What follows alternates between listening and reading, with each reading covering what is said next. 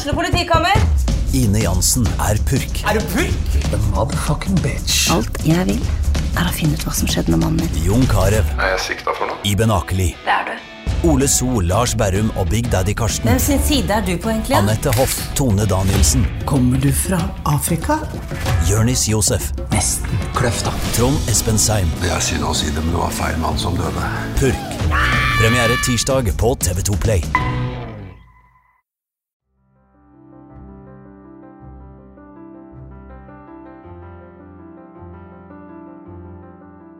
I dagens episode forteller Christer Alfonso Hagen om et liv litt utenom det vanlige. Christer levde omtrent hele ungdomstida si omgitt av alvorlig kriminalitet og rus. Etter flere år i soning har Christer bosatt seg i Stavanger og jobber i Blå Kors steg for steg, hvor han bruker egne erfaringer for å hjelpe andre.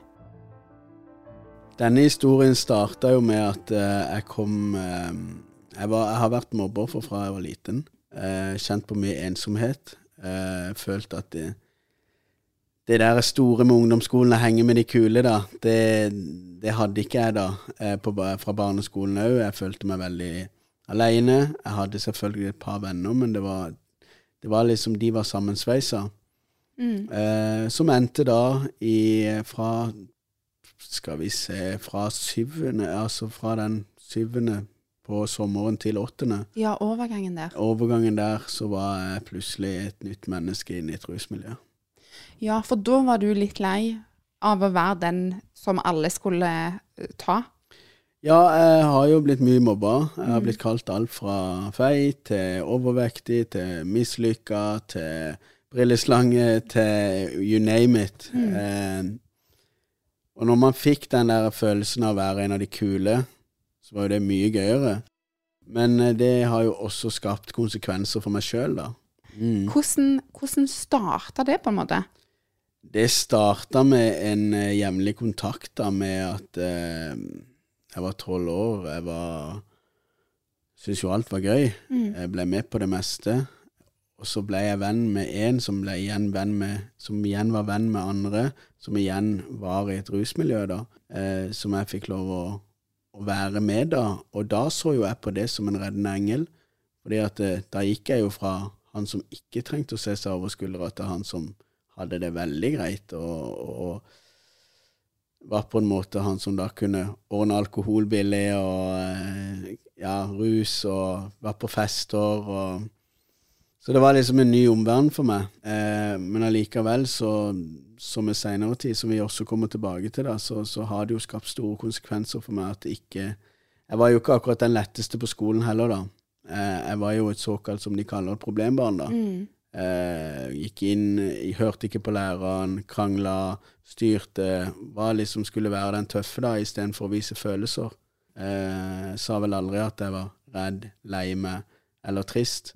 Jeg, jeg viste det med å bruke vold, eller med, med å bruke da Med å bruke eh, ord. Mm. Så du hadde det ikke egentlig så kjekt på skolen? Nei, jeg hadde ikke det.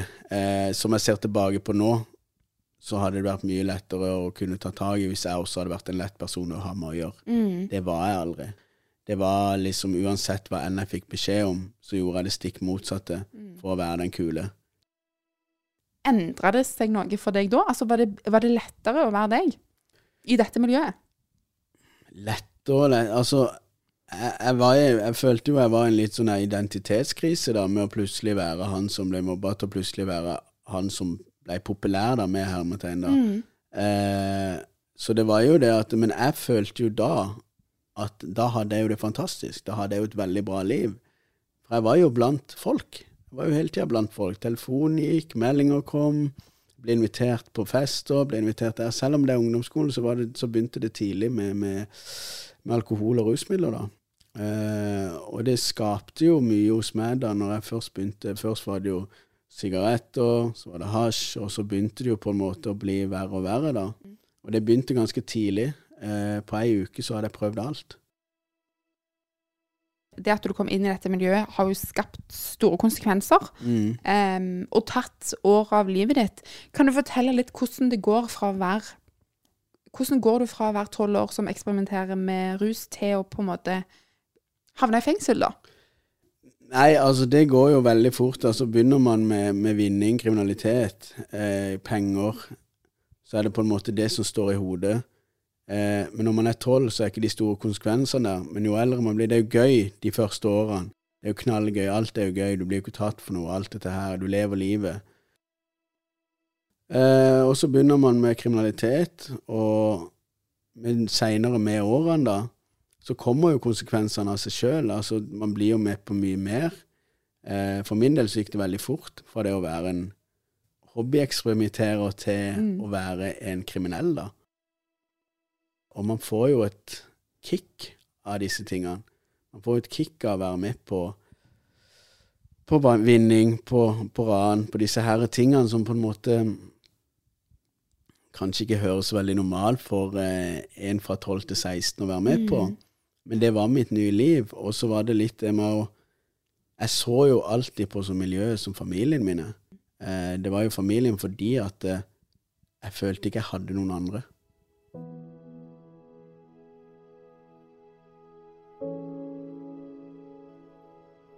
Du var jo i dette miljøet ca. tolv år. Mm. Det er en lang CV, ja. holdt jeg på å si, i å bli god i hermetegn, rusmisbruker og, og, kriminell? Det var jeg ikke. Nei. jeg ble jo tatt, og, ja. og, det ble saker, og jeg rota meg opp i ganske mye, så jeg kan vel ikke påstå at jeg var en flink kriminell. Nei, du var ikke flink. Nei. nei, nei. nei. men, men, du fikk jo holde på i tolv år. Jeg gjorde det, ja. eh, men det var vel mye med takket være at eh, det systemet da samla opp saker, og og det gikk jo fra på en måte til å være den der eh, ja, holde på med dette til å gjøre det som yrke. Jeg lurer på om du kan fortelle meg litt om hvordan en tilfeldig dag så ut i løpet av disse tolv åra? Det var å stå opp, og det første jeg tenkte på da, det var rusmidler. Og det andre jeg tenkte på, hvilken kriminalitet skal jeg foregå i dag? Skal det være vinning? Skal det være vold? Skal det være ja, et eller annet som innebar kriminalitet, da? Mm. Eh, jeg hadde jo også perioder som jeg drakk veldig mye. Da på en måte holdt jeg meg litt vekke. Det var for å roe ned alt det andre rusen. Og, og, da var jeg gjerne 40 kilo og ikke så ut og, og trengte en bitte liten pause. Men det var alltid medisiner, som man kalte Man kalte alltid medisinsk bruk. Så da var det kanskje en en god del piller og alkohol og, og THC, da. Og det ble jo ikke noe bedre av det, men da, så da la jeg jo på meg veldig igjen, og så var det utpå igjen. Og da gikk det jo galt. Jeg, jeg sov jo aldri. Nei, så jeg, jeg ble jo ganske skada. Kan jeg innrømme. Det var ikke noe, det var ikke noe fint, se når jeg var, fint syn når jeg var våken et par, en god del døgn. og det går jo Altså, til å begynne med så kan jeg si at det var gøy, og det var, det, det var Jeg hadde et kick av det. Mm. Men til syvende og sist, jo årene går, så blir man jo også skada av dette her. Man blir jo mer skjørt, man blir jo mer utslitt, man begynner jo å få mer traumer.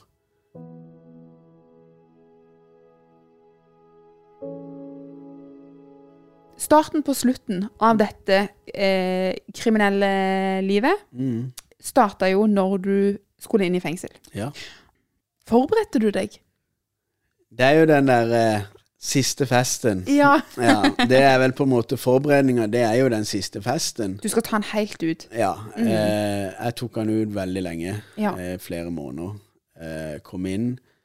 Eh, da var jeg veldig påvirka. Jeg var veldig rusa. Mm. Eh, så det var liksom ikke der og da den der skremselen kom, men det var litt mer det der når ja, hva sier man? Altså, når man, eh, når man blir Man blir jo på en måte henta inn, og så havner man i et rom. Mm. Um, og da var det sånn for, på den ene delen så var det den delen som skulle på åpen, og den delen skulle på lukka.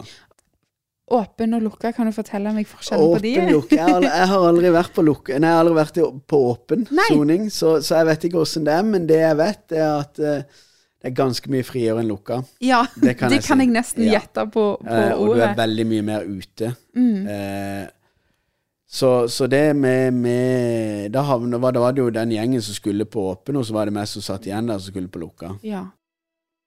Hvorfor havna du i fengsel? Ja, det var grov vold. Mm. Det var det. Det var en hendelse som aldri skulle ha skjedd. Eh, men dessverre så gjorde det det. Eh, og da måtte jeg ta konsekvenser for den. Eh, Du har jo vært i litt forskjellige fengsler. Ja, På Sørlandet og her i Rogaland. ja. Jeg lurer på om du kan fortelle litt om eh, hvordan cella di så ut, eller rommet ditt. Cella mi, ja. ja, det var ikke så mye rom. men Det er godt du sier cella, for Ja. det var, var et lite rom med ei seng. Og det er ikke akkurat noe madrass fra Jysk eller eh, noe sånt. Det er som i gode gamle, som man kaller det, glattcellemadrass. Ja. Grønn madrass. Eh, og det var et bitte lite TV, og det var et bord. Og så var det jo de der ståltoalettene. Ikke så veldig koselig. Nei, og det var ikke dusj. Nei. Dusjen er jo felles. Ja. Felles felles garderobedusj. Ja. Mm.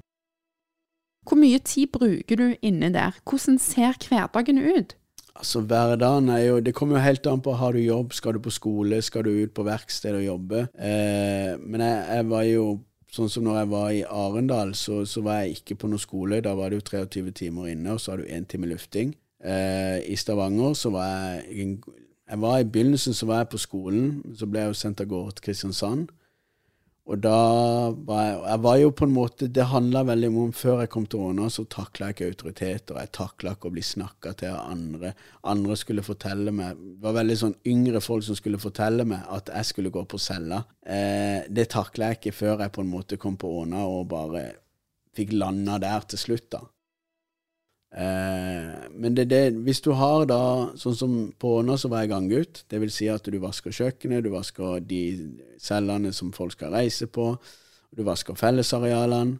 Da var du ute hele dagen.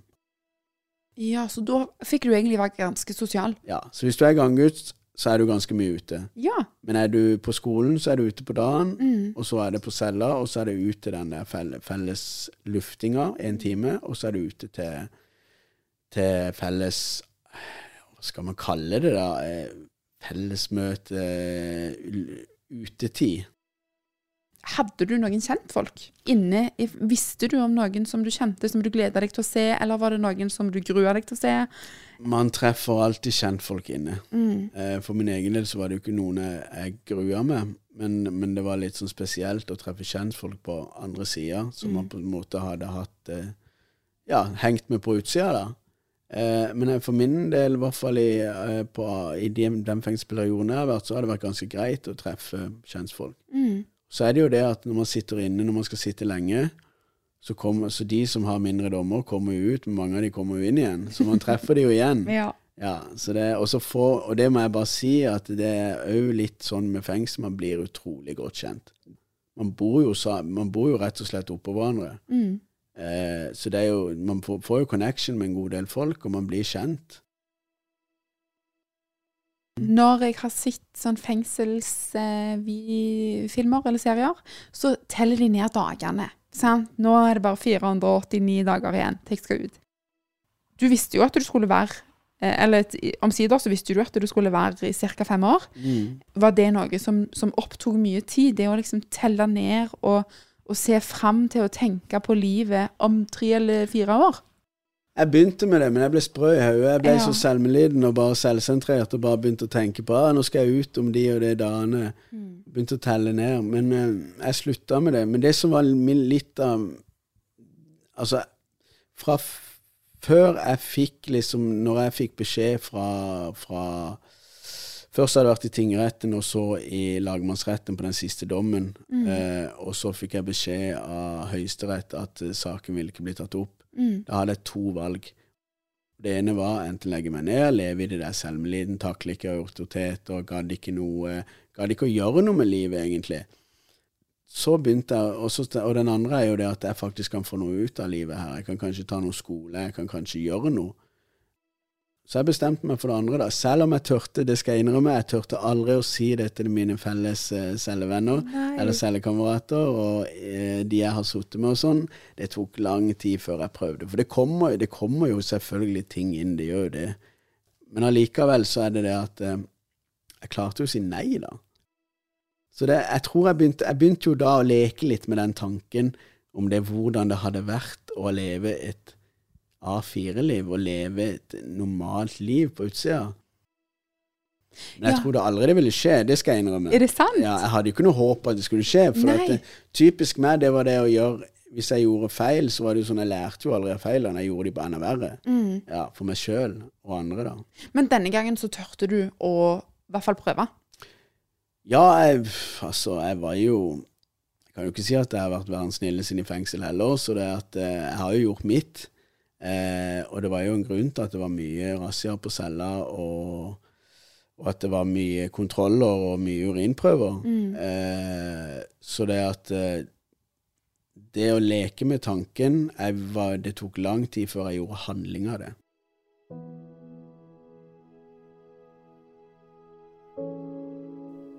Jeg tror det skremte meg mer å komme ut enn å komme inn. Er det sant? Ja. Hvorfor gruer du deg sånn til, til å komme ut? Fordi at det, det er ganske sprøtt å si dette her, og det er sikkert, jeg vet at de som forstår det, har sittet der sjøl. Men fengselet blir hjemmet. Det er akkurat samme man har en leilighet, man er vant med den, men samme når man er vant med i mange år å sitte inne. Eh, man er vant med cella si, man er vant med reglene, man er vant med de rundt seg, selv om det kommer nye folk inn, ut, ut og inn hele veien. Men så, blir, så får man en kjernegjeng der. Ja, så er rammene Ja. ganske like. Jeg var jo ganske heldig med at de jeg på en måte gikk mest sammen, var de som også skulle ut kanskje bare et par uker før meg, da. Ja, så, Så vi var jo en gjeng som på en måte Og, og i helheten av det så har jeg jo sittet mange andre fengsler, men det var Åna jeg fant roen. Er det sant? Stavanger jo òg, men, men det var med meg sjøl, da. Mm. Autoritet og tak. Men, men det var når du, du var ferdig med den der rettsprosessen. Mm. Jeg hadde to valg. Ok, jeg må enten leve med det, eller så kan jeg gå rundt og være sånn som jeg har vært, ikke takle autoritet og havne på refs på ny og ne. Dette utgår jo også Altså, jeg hadde jo ikke permisjoner hele veien. Men det er jo mye også fordi at eh, jeg hadde jo så mye refs fra andre fengsler, pluss at i begynnelsen òg på Åna, så fikk jeg en del refs for sånn unødvendige ting som man visste klare regler på, men man gjorde det for det om da. Men nå må du hjelpe meg med ordboka. Ja. Refs. Refs, det er det Sikkert fra USA, da, med isolater, men Ja. Mm. det, det er litt finere, da, med, med refs. Men, men det er jo det at da er det lukka vinduer. Ja. Du er låst inne 23 timer i døgnet. Bare at du har du har én time, da skal du også ut i sånn bur. Det er ikke luftegård, det er bur du blir satt inn i, og røyke. Og så skal du dusje, og hvis du, hvis du ikke dusjer den dagen, så er det jo flere som er på refs i større fengsler, så da må du på en måte vente to dager hvis ikke du dusjer når de sier at du skal dusje. Så det handler egentlig, sånn sett, hvis du ser det, så handler det også veldig om dette her med å lære seg det å stå i det og takle konsekvenser, da. For det, det er det jeg tror egentlig fengselssystemet prøver å lære litt, det er at eh, ok, hvis du gjør en ting, du havner på refs, så må du også stå i det, lære det, ta konsekvensene.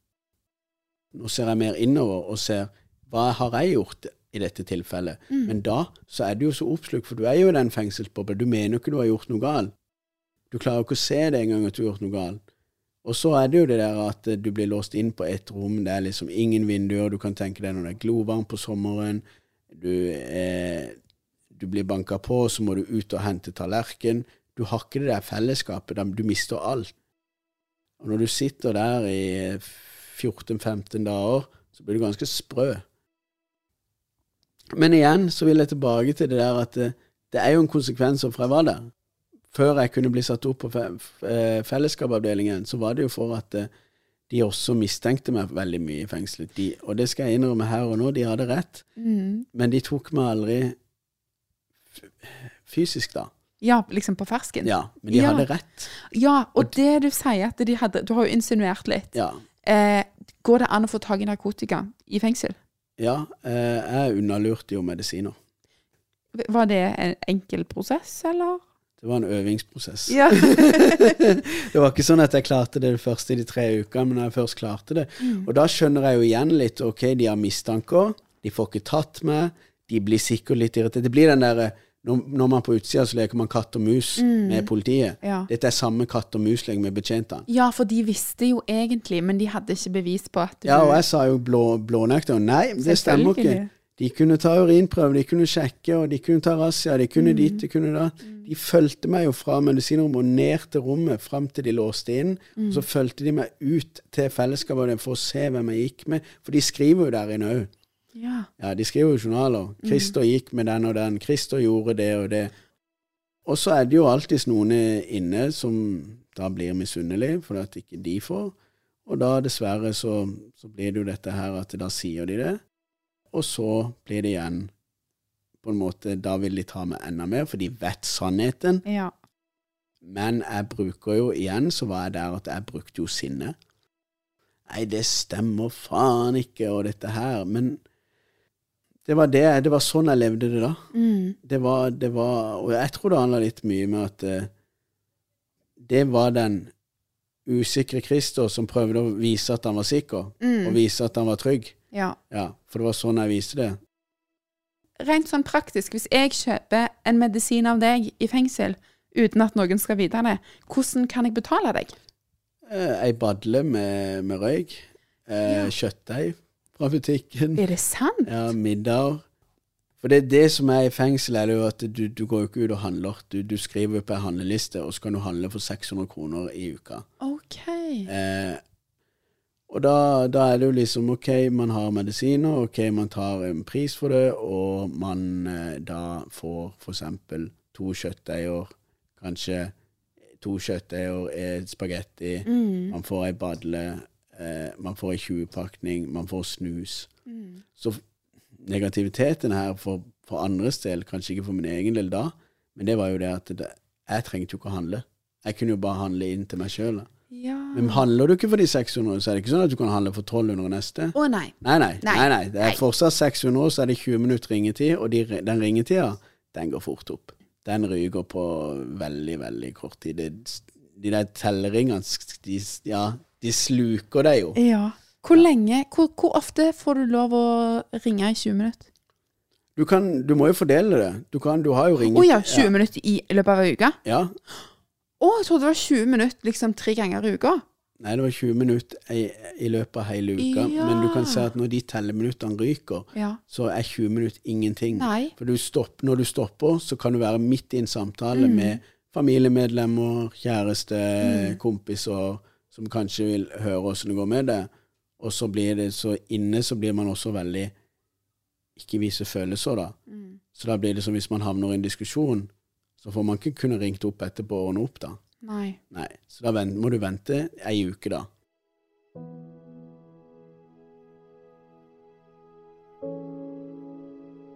Livet i fengsel, det går på en måte det, det, Livet mitt stopper jo opp, men livet ute stopper jo ikke opp.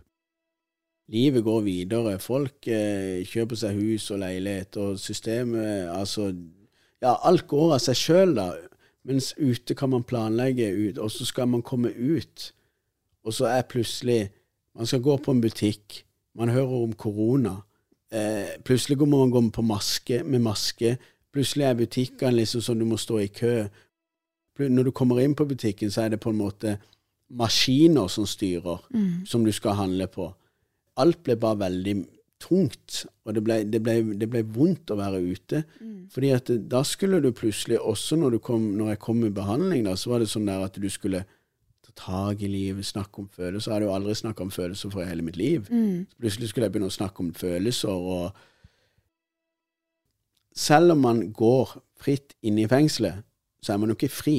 Nei, du er jo fremdeles i Ja, fengsel. jeg er jo i fengsel. Ja. Så når jeg kommer ut, og så skal plutselig kjenne på den der Jeg tror det tok nærmere et år før jeg, første gang jeg sa at jeg vil ikke tilbake til fengsel. Mm. Det første jeg svarte i min innkomstsamtale på det behandlingssenteret Jeg vil tilbake til fengsel. Dere dere trenger ikke å konsentrere dere om meg. Jeg skal tilbake, jeg skal tilbake til hjemmet mitt. Og det er jo fordi at det, du får jo en rutineprega livsførsel der inne.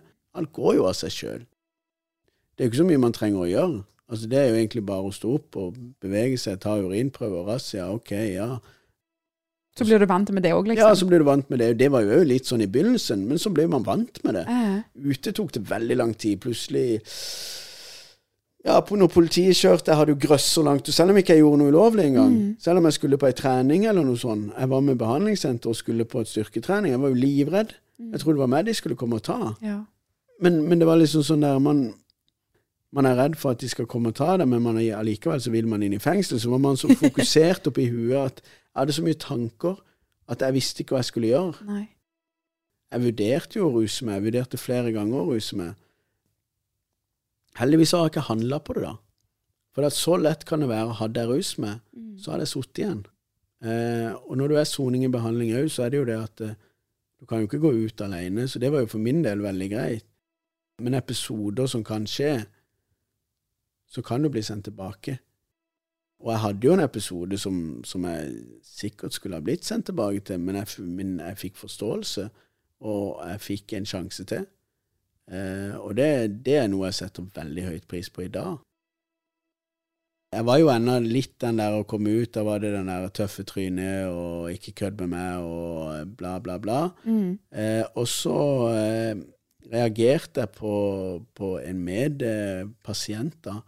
Og så istedenfor å gjøre noe der, så spente jeg alt jeg hadde i, uh, i heisen på det behandlingssenteret og skreik rundt og var helt rabiat. Eh, og det var, grunn, det var jo en grunn nok til at uh, jeg skulle ha blitt sendt tilbake. Men uh, jeg prøvde jo å forklare min situasjon òg. Det var det første gang i mitt liv at jeg prøvde å forklare ting. At jeg, det blekka for meg. Jeg beklager, det, det skulle ikke ha skjedd. Mm. Men igjen så er det ikke grunn nok. Men, men de gitt meg en sjanse til, og jeg fikk fortsette. Og når jeg ble ferdig med soning i behandling, så fortsatte jeg frivillig behandling. Så det var jo noe som skjedde med meg. Mm, Det det, var det virkelig. Så, så fra den dagen i fengselet til at jeg tenkte at det kanskje leke med den tanken at et normalt liv hadde vært jo gøy og, og bra å på en måte få oppleve, Mm.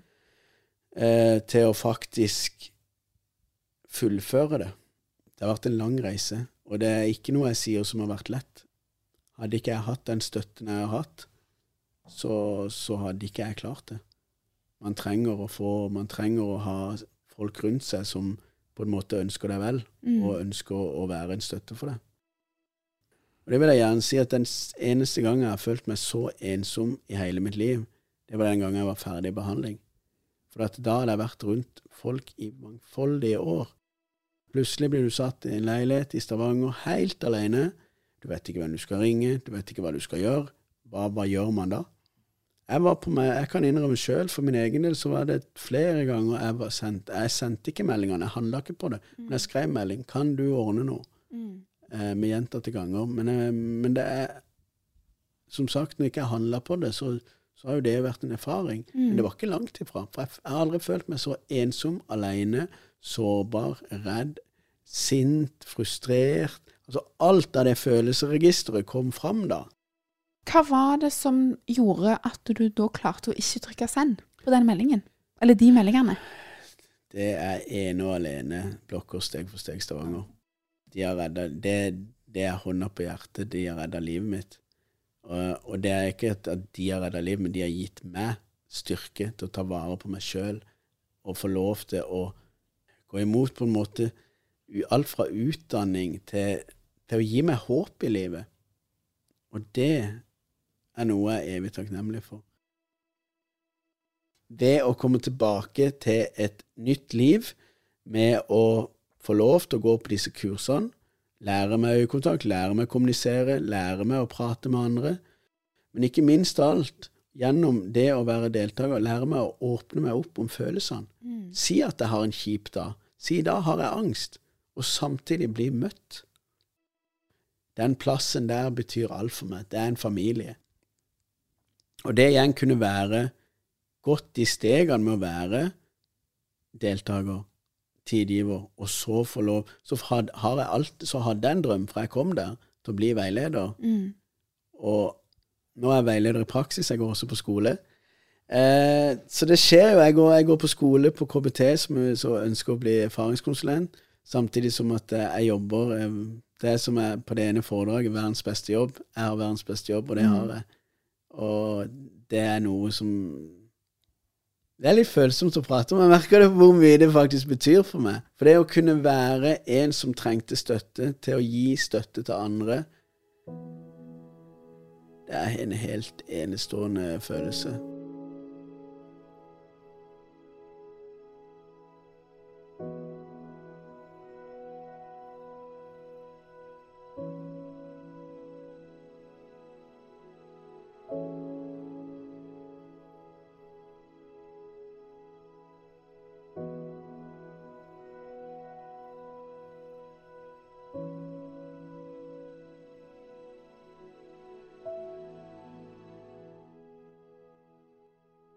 Har du et enkeltpersonforetak eller en liten bedrift? Da er du sikkert lei av å høre meg snakke om hvor enkelt det er med kvitteringer og bilag i fiken, så vi eh, gir oss her, vi. Fordi vi liker enkelt. Fiken superenkelt regnskap.